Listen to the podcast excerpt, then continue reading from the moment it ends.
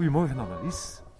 Uh, een speciale podcast vandaag. Alweer, na Alweer. onze Sinterklaas podcast, gaan we nu een kerstpodcast maken. Inderdaad. En dan nog maar met de deur in eh, huis te vallen. Ja, het zijn, eh, het zijn moeilijke tijden. Corona, we voelen ons opgesloten.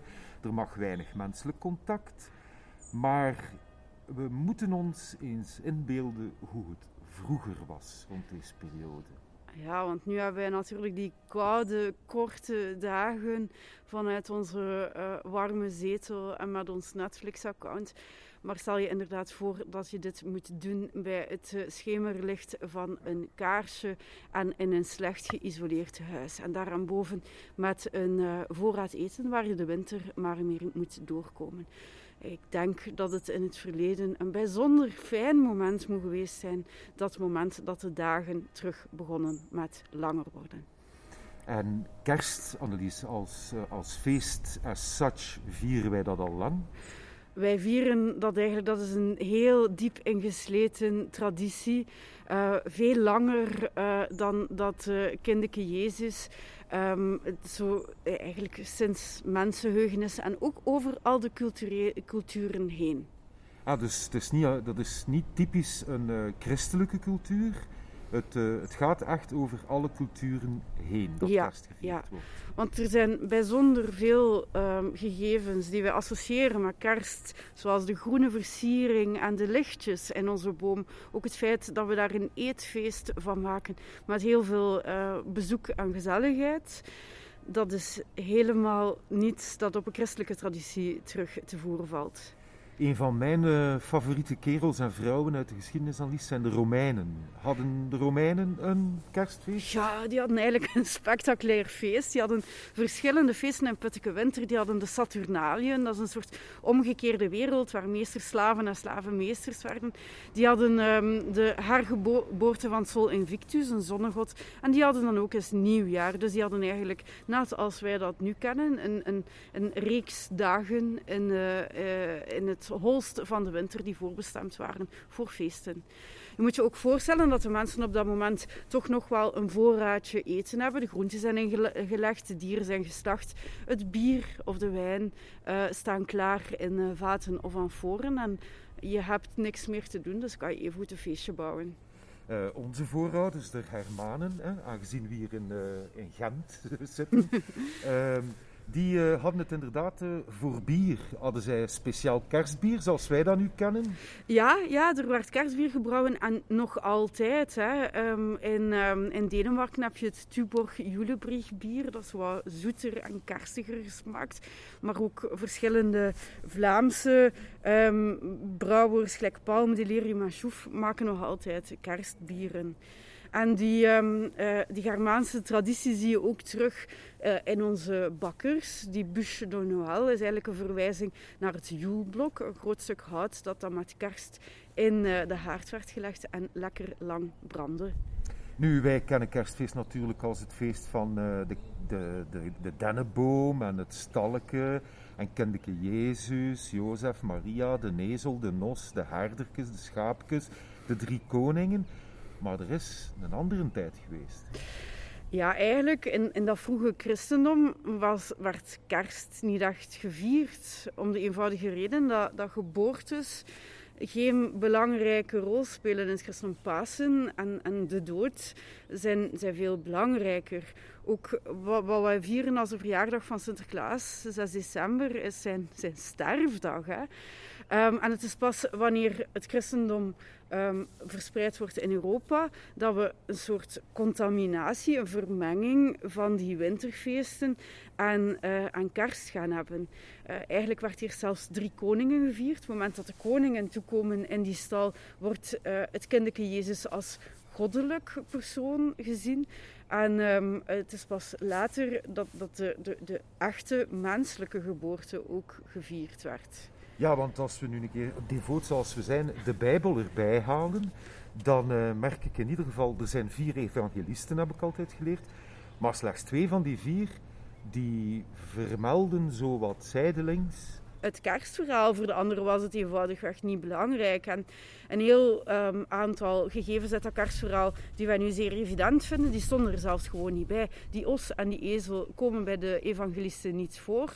Um, de, de, schapen staan ook al niet in de kerststad. Het is pas later dat er daar zo'n hele knuffel zo van gemaakt wordt. Ook de, de koningen zijn eigenlijk wijzen of, of, astrologen. En die hebben zeker geen namen en er zit ook al geen zwarte koning bij.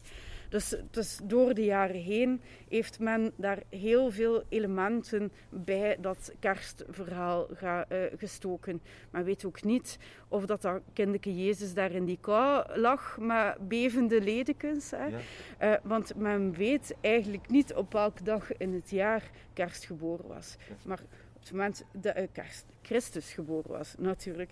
Uh, maar op het moment dat men dan in Europa kerst uh, begint uh, te vieren, is dat eigenlijk omdat de kerk die winterfeesten niet kan tegenhouden.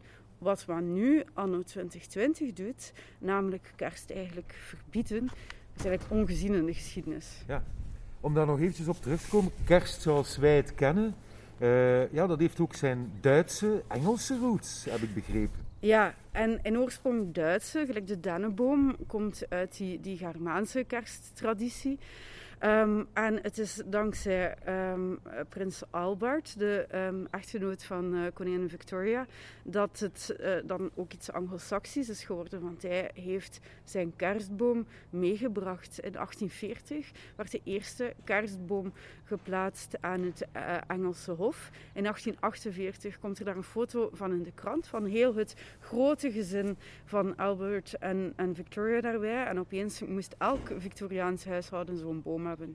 En als ik het goed begrepen heb, hebben we nog iets te aan Albert, namelijk de kalkoen, de, de vele copieuze grote maaltijd rond kerstdag is ook typisch iets die hij dan geïntroduceerd heeft. Ja, ja, maar dan kun je eigenlijk zeggen dat dat zo'n een beetje een bredere middeleeuwse traditie was. Hè. Die, die, die kalkoen die komt op het uh, Europese menu sinds uh, de ontdekking van Amerika.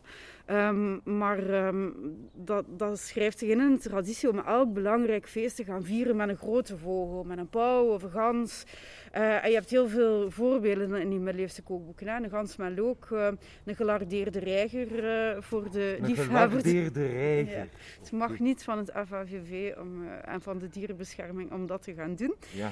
Uh, of een pauw gevuld maar gehakt met kaneel en gember. Dus die hele kerstige smaken die stammen uit die middeleeuwse feesttraditie. Klinkt heel smakelijk. Om nog eventjes terug te gaan dan naar het uh, kerstverhaal. Er is nog iemand aan wie we veel te danken hebben op dat vlak, namelijk Charles Dickens. Charles Dickens met zijn Christmas Carol. In de 19e eeuw was kerst eigenlijk een beetje op de teruggang, omdat uh, een aantal Puritijnen hadden gezegd: ja, maar dat kerstverhaal staat eigenlijk niet in zoveel woorden in de Bijbel, dus is niet belangrijk. Maar Charles Dickens heeft uh, een boekje geschreven um, waar een heel mooie kerstvertelling in voorkomt, die kerst enorm populair heeft gemaakt. En wel, ik weet dat jij een heel goede verteller bent, misschien moet je het eens voor onze luisteraars samenvatten. In een notendop, uh, het verhaal is een Christmas Carol natuurlijk, en we uh, gaan op bezoek bij Ebenezer Scrooge. Ebenezer Scrooge die liever zijn geld dan zijn warmte telt. En je krijgt dus een verhaal in het begin. Ja, Ebenezer vindt kerstmis maar humbug, zever. Uh, maar het verhaal krijgt plots een zeer rare wending als s'avonds Ebenezer naar huis gaat. Zijn deurknop van zijn fenomenaal huis verandert plots in het hoofd van zijn voormalig partner Marley. En Marley verwittigt hem dat hij die nacht bezoek zal krijgen van drie geesten de geest van kerst van het verleden, van kerst van heden en het kerst van de toekomst. En voor de rest, Annelies, moeten de mensen het verhaal maar eens gaan lezen, denk ik. Het is heel inspirerend. Het is erg de moeite waard en het is ook een heel mooi voorbeeld van hoe literatuur de wereld veranderd heeft. Hè? Want zijn verhaal van kerst van de toekomst is eigenlijk ook de kerst, het kerstfeest van de toekomst geworden. En het is een beetje dankzij Charles Dickens dat, wij zoveel luister aan kerst toekennen. En de enige toevoeging aan het kerstfeest die er sinds de 19e eeuw uh, nog gekomen is, is de commercialisering ervan. Een gevolg van het, uh, um, het vieren van kerst in Amerika. En er is een hele commerciële poot rond ontstaan. Kerst was geen feest van cadeautjes. Kerst was een feest van gezelligheid en van lekker eten. En nu we, moeten we niet alleen cadeautjes, maar ook uh, cadeaupapier en decoratie kopen. En op deze woorden, ho ho ho, sluiten we uh, dit uh, af, wat kerst of het verhaal betreft. En gaan we eens kijken naar kerst in Gent door de eeuwen heen.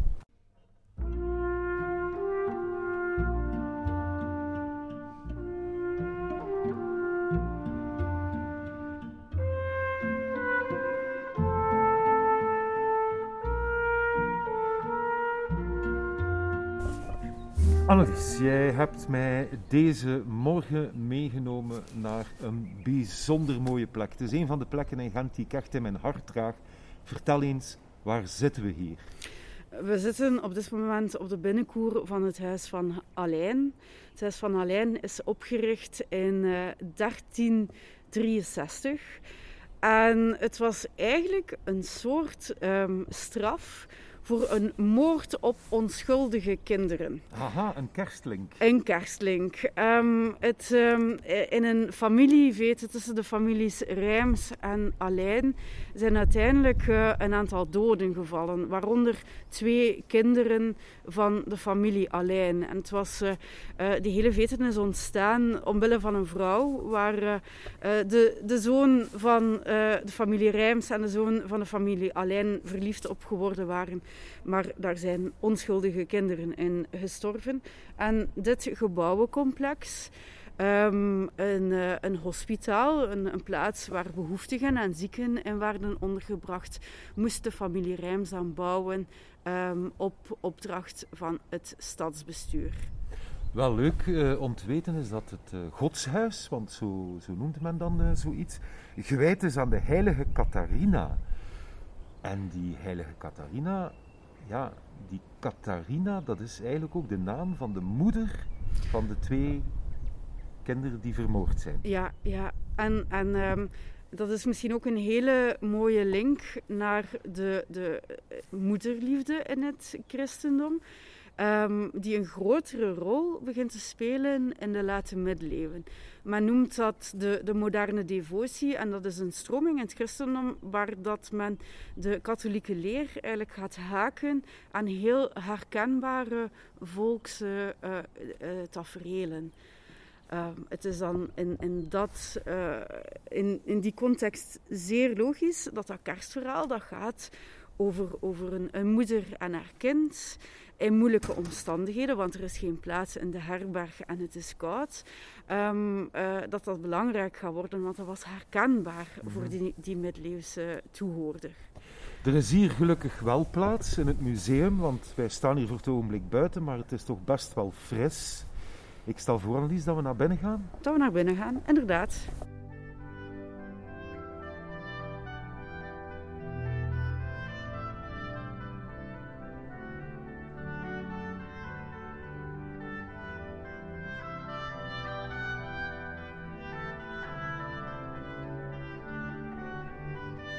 We zijn uh, binnen in het Museum van Folklore. Ze zouden het hier niet graag meer wonen. Het is natuurlijk het Huis van Alijn. En ik moet zeggen, uh, toen ik hier als kind kwam, was het inderdaad folklore, zowel in zicht als in aanvoelen. Maar nu uh, is dit toch een prachtig museum geworden. En we staan hier voor een kast, Annelies, en ik zie Patacon. Ja, dat zijn een, eigenlijk een soort ornamenten uit uh, gebakken pijpaarde die aangebracht werden op um, kerstbrood of kerstgebak. Um, die werden met kerst en vooral met, met nieuwjaar aan vrienden en familie gegeven. Het is zo'n voorloperke van het uh, suikeren kindje Jezus of zo. Ehm, ja, ja, maar natuurlijk een uh, niet vergankelijk of opeetbaar ornament. En het heeft wel ook iets weg van een, uh, een driekoningentaart, waar dat er dan een boontje in zit. Um, en uh, die je dan koning of koningin maakt voor een dag. En uiteindelijk lijkt dat een beetje op die Romeinse Saturnalie, waar de wereld wat omgekeerd werd. Iemand die geen koning was in het echte leven, krijgt dan zo'n boon en die is koning voor die dag. En trouwens, de, het eerste, um, de eerste vermelding van een boon in zo'n taart vinden we in de Gattense stadsrekening ook uit 1363. Hetzelfde jaar als het Huis van Alijn gesticht werd. 1363, moet u inbeelden. Hoe lang zijn we al bezig met kerst gezellig te maken? Um, Annelies, ik had, uh, ik had hier eigenlijk nog een vraagje. Ik sta hier op die, in die kast te kijken en ik zie hier fantastische kerstversiering die dateert, ik denk, ik ben van 1966 en ik herken een aantal dingen. Dus uh, dat zal wel zo zijn. Maar ik zie hier ook lampjes gemaakt door Philips, Nederlandse firma. Uh-huh. En uh, dat uh, brengt mij dan eigenlijk zo bij het volgende, dat versieren van de huiskamer. Hè, maar hoe lang doen we dat al? Was dat ook iets middeleeuws? Maakte men in de middeleeuwen zijn huiskamer ook aangenaam, gezellig? ja, vanaf de 16e eeuw zien we dat er in de Elzas kerstbomen versierd worden. Dat is natuurlijk nog niet met, met kerstballen, maar dat, dat was vaak eetbare decoratie. Ja. Dat, dat zijn appels of koekjes of, of wafeltjes. Um, en men bracht ook die um, groene planten, zoals hulst of, of, uh, of dennentakken, in het huis om hoopvol uit te kijken op um, de, de terugkeer van de lente. Prachtig. Ik stel voor dat we een klein beetje verder gaan, want uh, ik ben ervan overtuigd dat je me alvast nog iets wilt tonen. Ja, ik ga je meepakken naar een van de volgende zalen. Schitterend.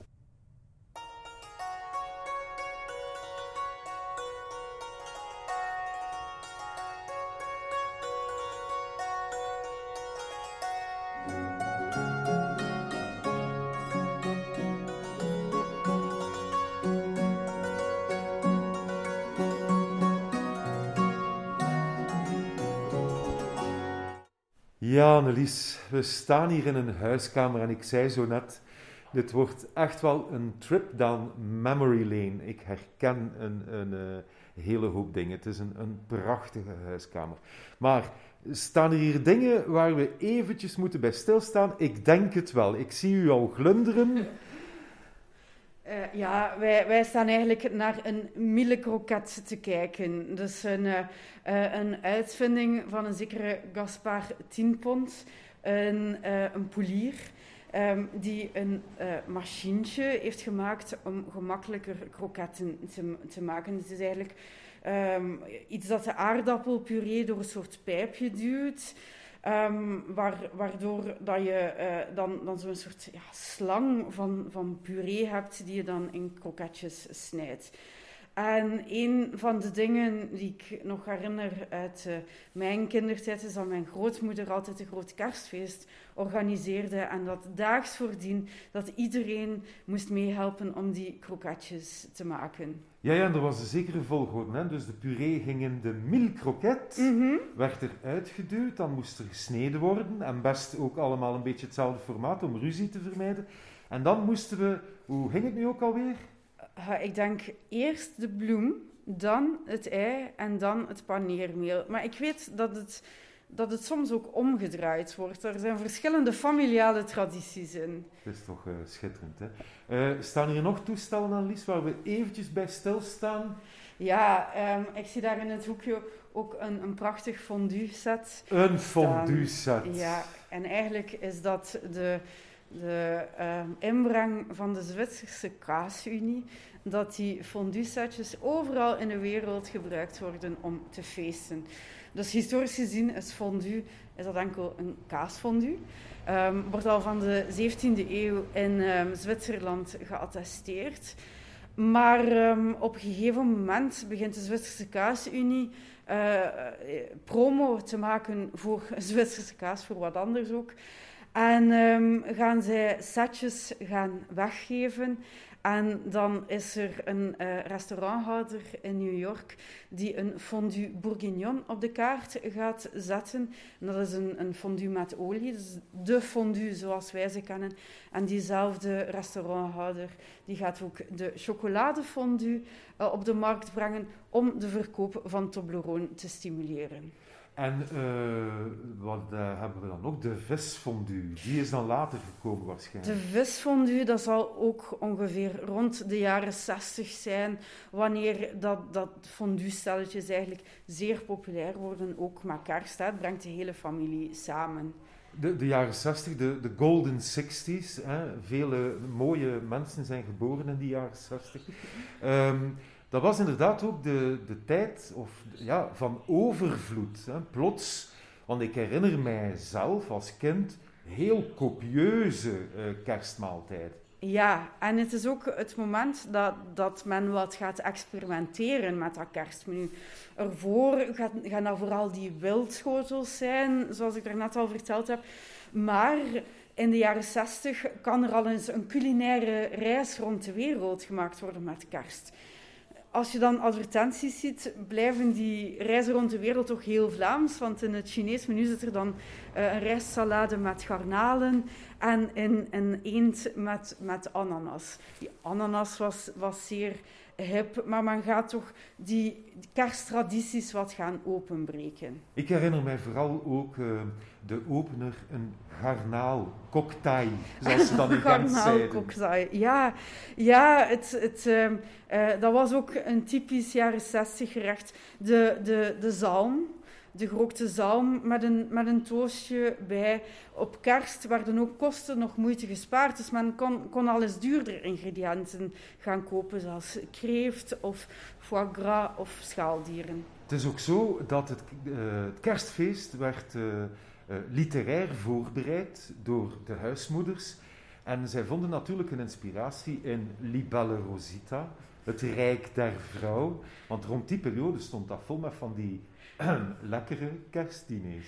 Lekkere kerstdiners, inspiratie voor kerstdiners. En zelfs in, um, in de, de stem der vrouw, dat een um, eerder socialistisch um, tijdschrift was, wordt er nadruk gelegd op kerst.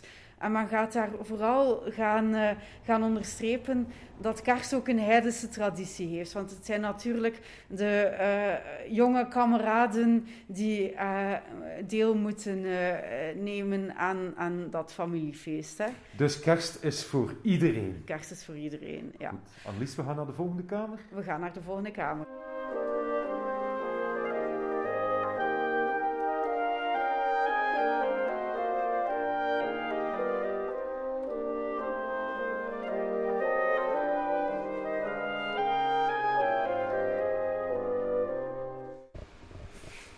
Ja, Lies, we zijn hier in een uh, heel klein kamertje terechtgekomen waar we een prachtige film zien van uh, feesten. The 12 Days of Christmas. Hè? Het begint bij 25 december en het zal dan eindigen op drie koningenfeest. Maar uh, we zien hier mensen die het glaasje heffen. Nu, we hebben al heel veel over eten gebabbeld, maar kan je mij iets vertellen over drinken? Ja, het drankje dat we het sterkst associëren met kerst is glühwein natuurlijk. Daar kan je bijna geen kerstmacht indenken zonder. En glühwein is ook een van die, van die kerstgerechten die een heel lange traditie heeft. Het gaat eigenlijk terug op de gekruide wijnen van de middeleeuwen die beschreven zijn in verschillende kookboeken. Men noemde dat toen Hippocras. Oh, zo'n mooie naam. Ja, naar de, naar de Griekse dokter Hippocrates omdat men dacht dat het ook een zeer gezond drankje zou zijn. En dat is ook leuk om dat te geloven. En men ging wijn in de middeleeuwen gaan, uh, gaan op smaak brengen met suiker, gember, kaneel en nootmuskaat voor de rode wijn. Maar je kon even goed een witte variant hebben met um, um, gember en... Uh, uh, en koriander. Fantastisch. Ja, zeer interessante smaken. En we hebben ook aanwijzingen dat die ook verwarmd geserveerd konden worden. Ik vind, uh, Annelies, dat we hier een lans moeten breken om het woord glühwein opnieuw te vervangen door Hippocras. Hippocras, Het klinkt ongelooflijk lekker.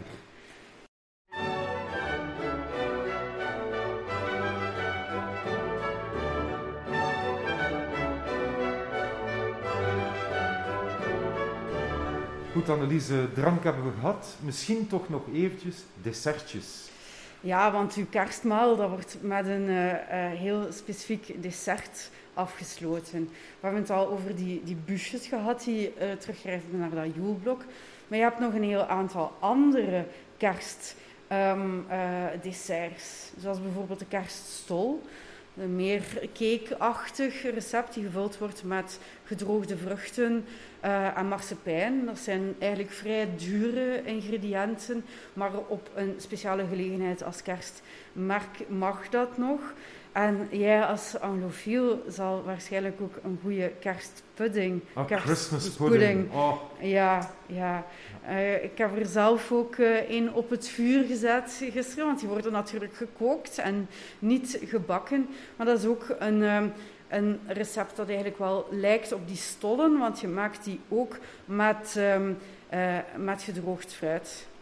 Ja, inderdaad. Uh, heel lekker ding. Je hebt ook nog zo'n Italiaanse uh, koek, die ik ook wel heel graag eet rond deze kerststaat. Het is precies een brood. Uh, smaakt inderdaad ook naar marsepein. Drank zit er ook vaak in. Enfin, copieus altijd. Copieus, en zeker ja. niet goed voor de lijn. hè? ik denk dat onze volgende podcast misschien over diëten na feesten moet gaan. Of, of ja, het, de, de magere keuken en... Um, ja, dat is eigenlijk een heel goed idee. Voilà. Uh, we gaan onze podcast, onze feestelijke kerstpodcast, uh, hier beëindigen. Ik denk, wij wensen de mensen een heel vrolijk kerstfeest en alvast een gelukkig en een gezond nieuwjaar. En tot gauw. Tot gauw.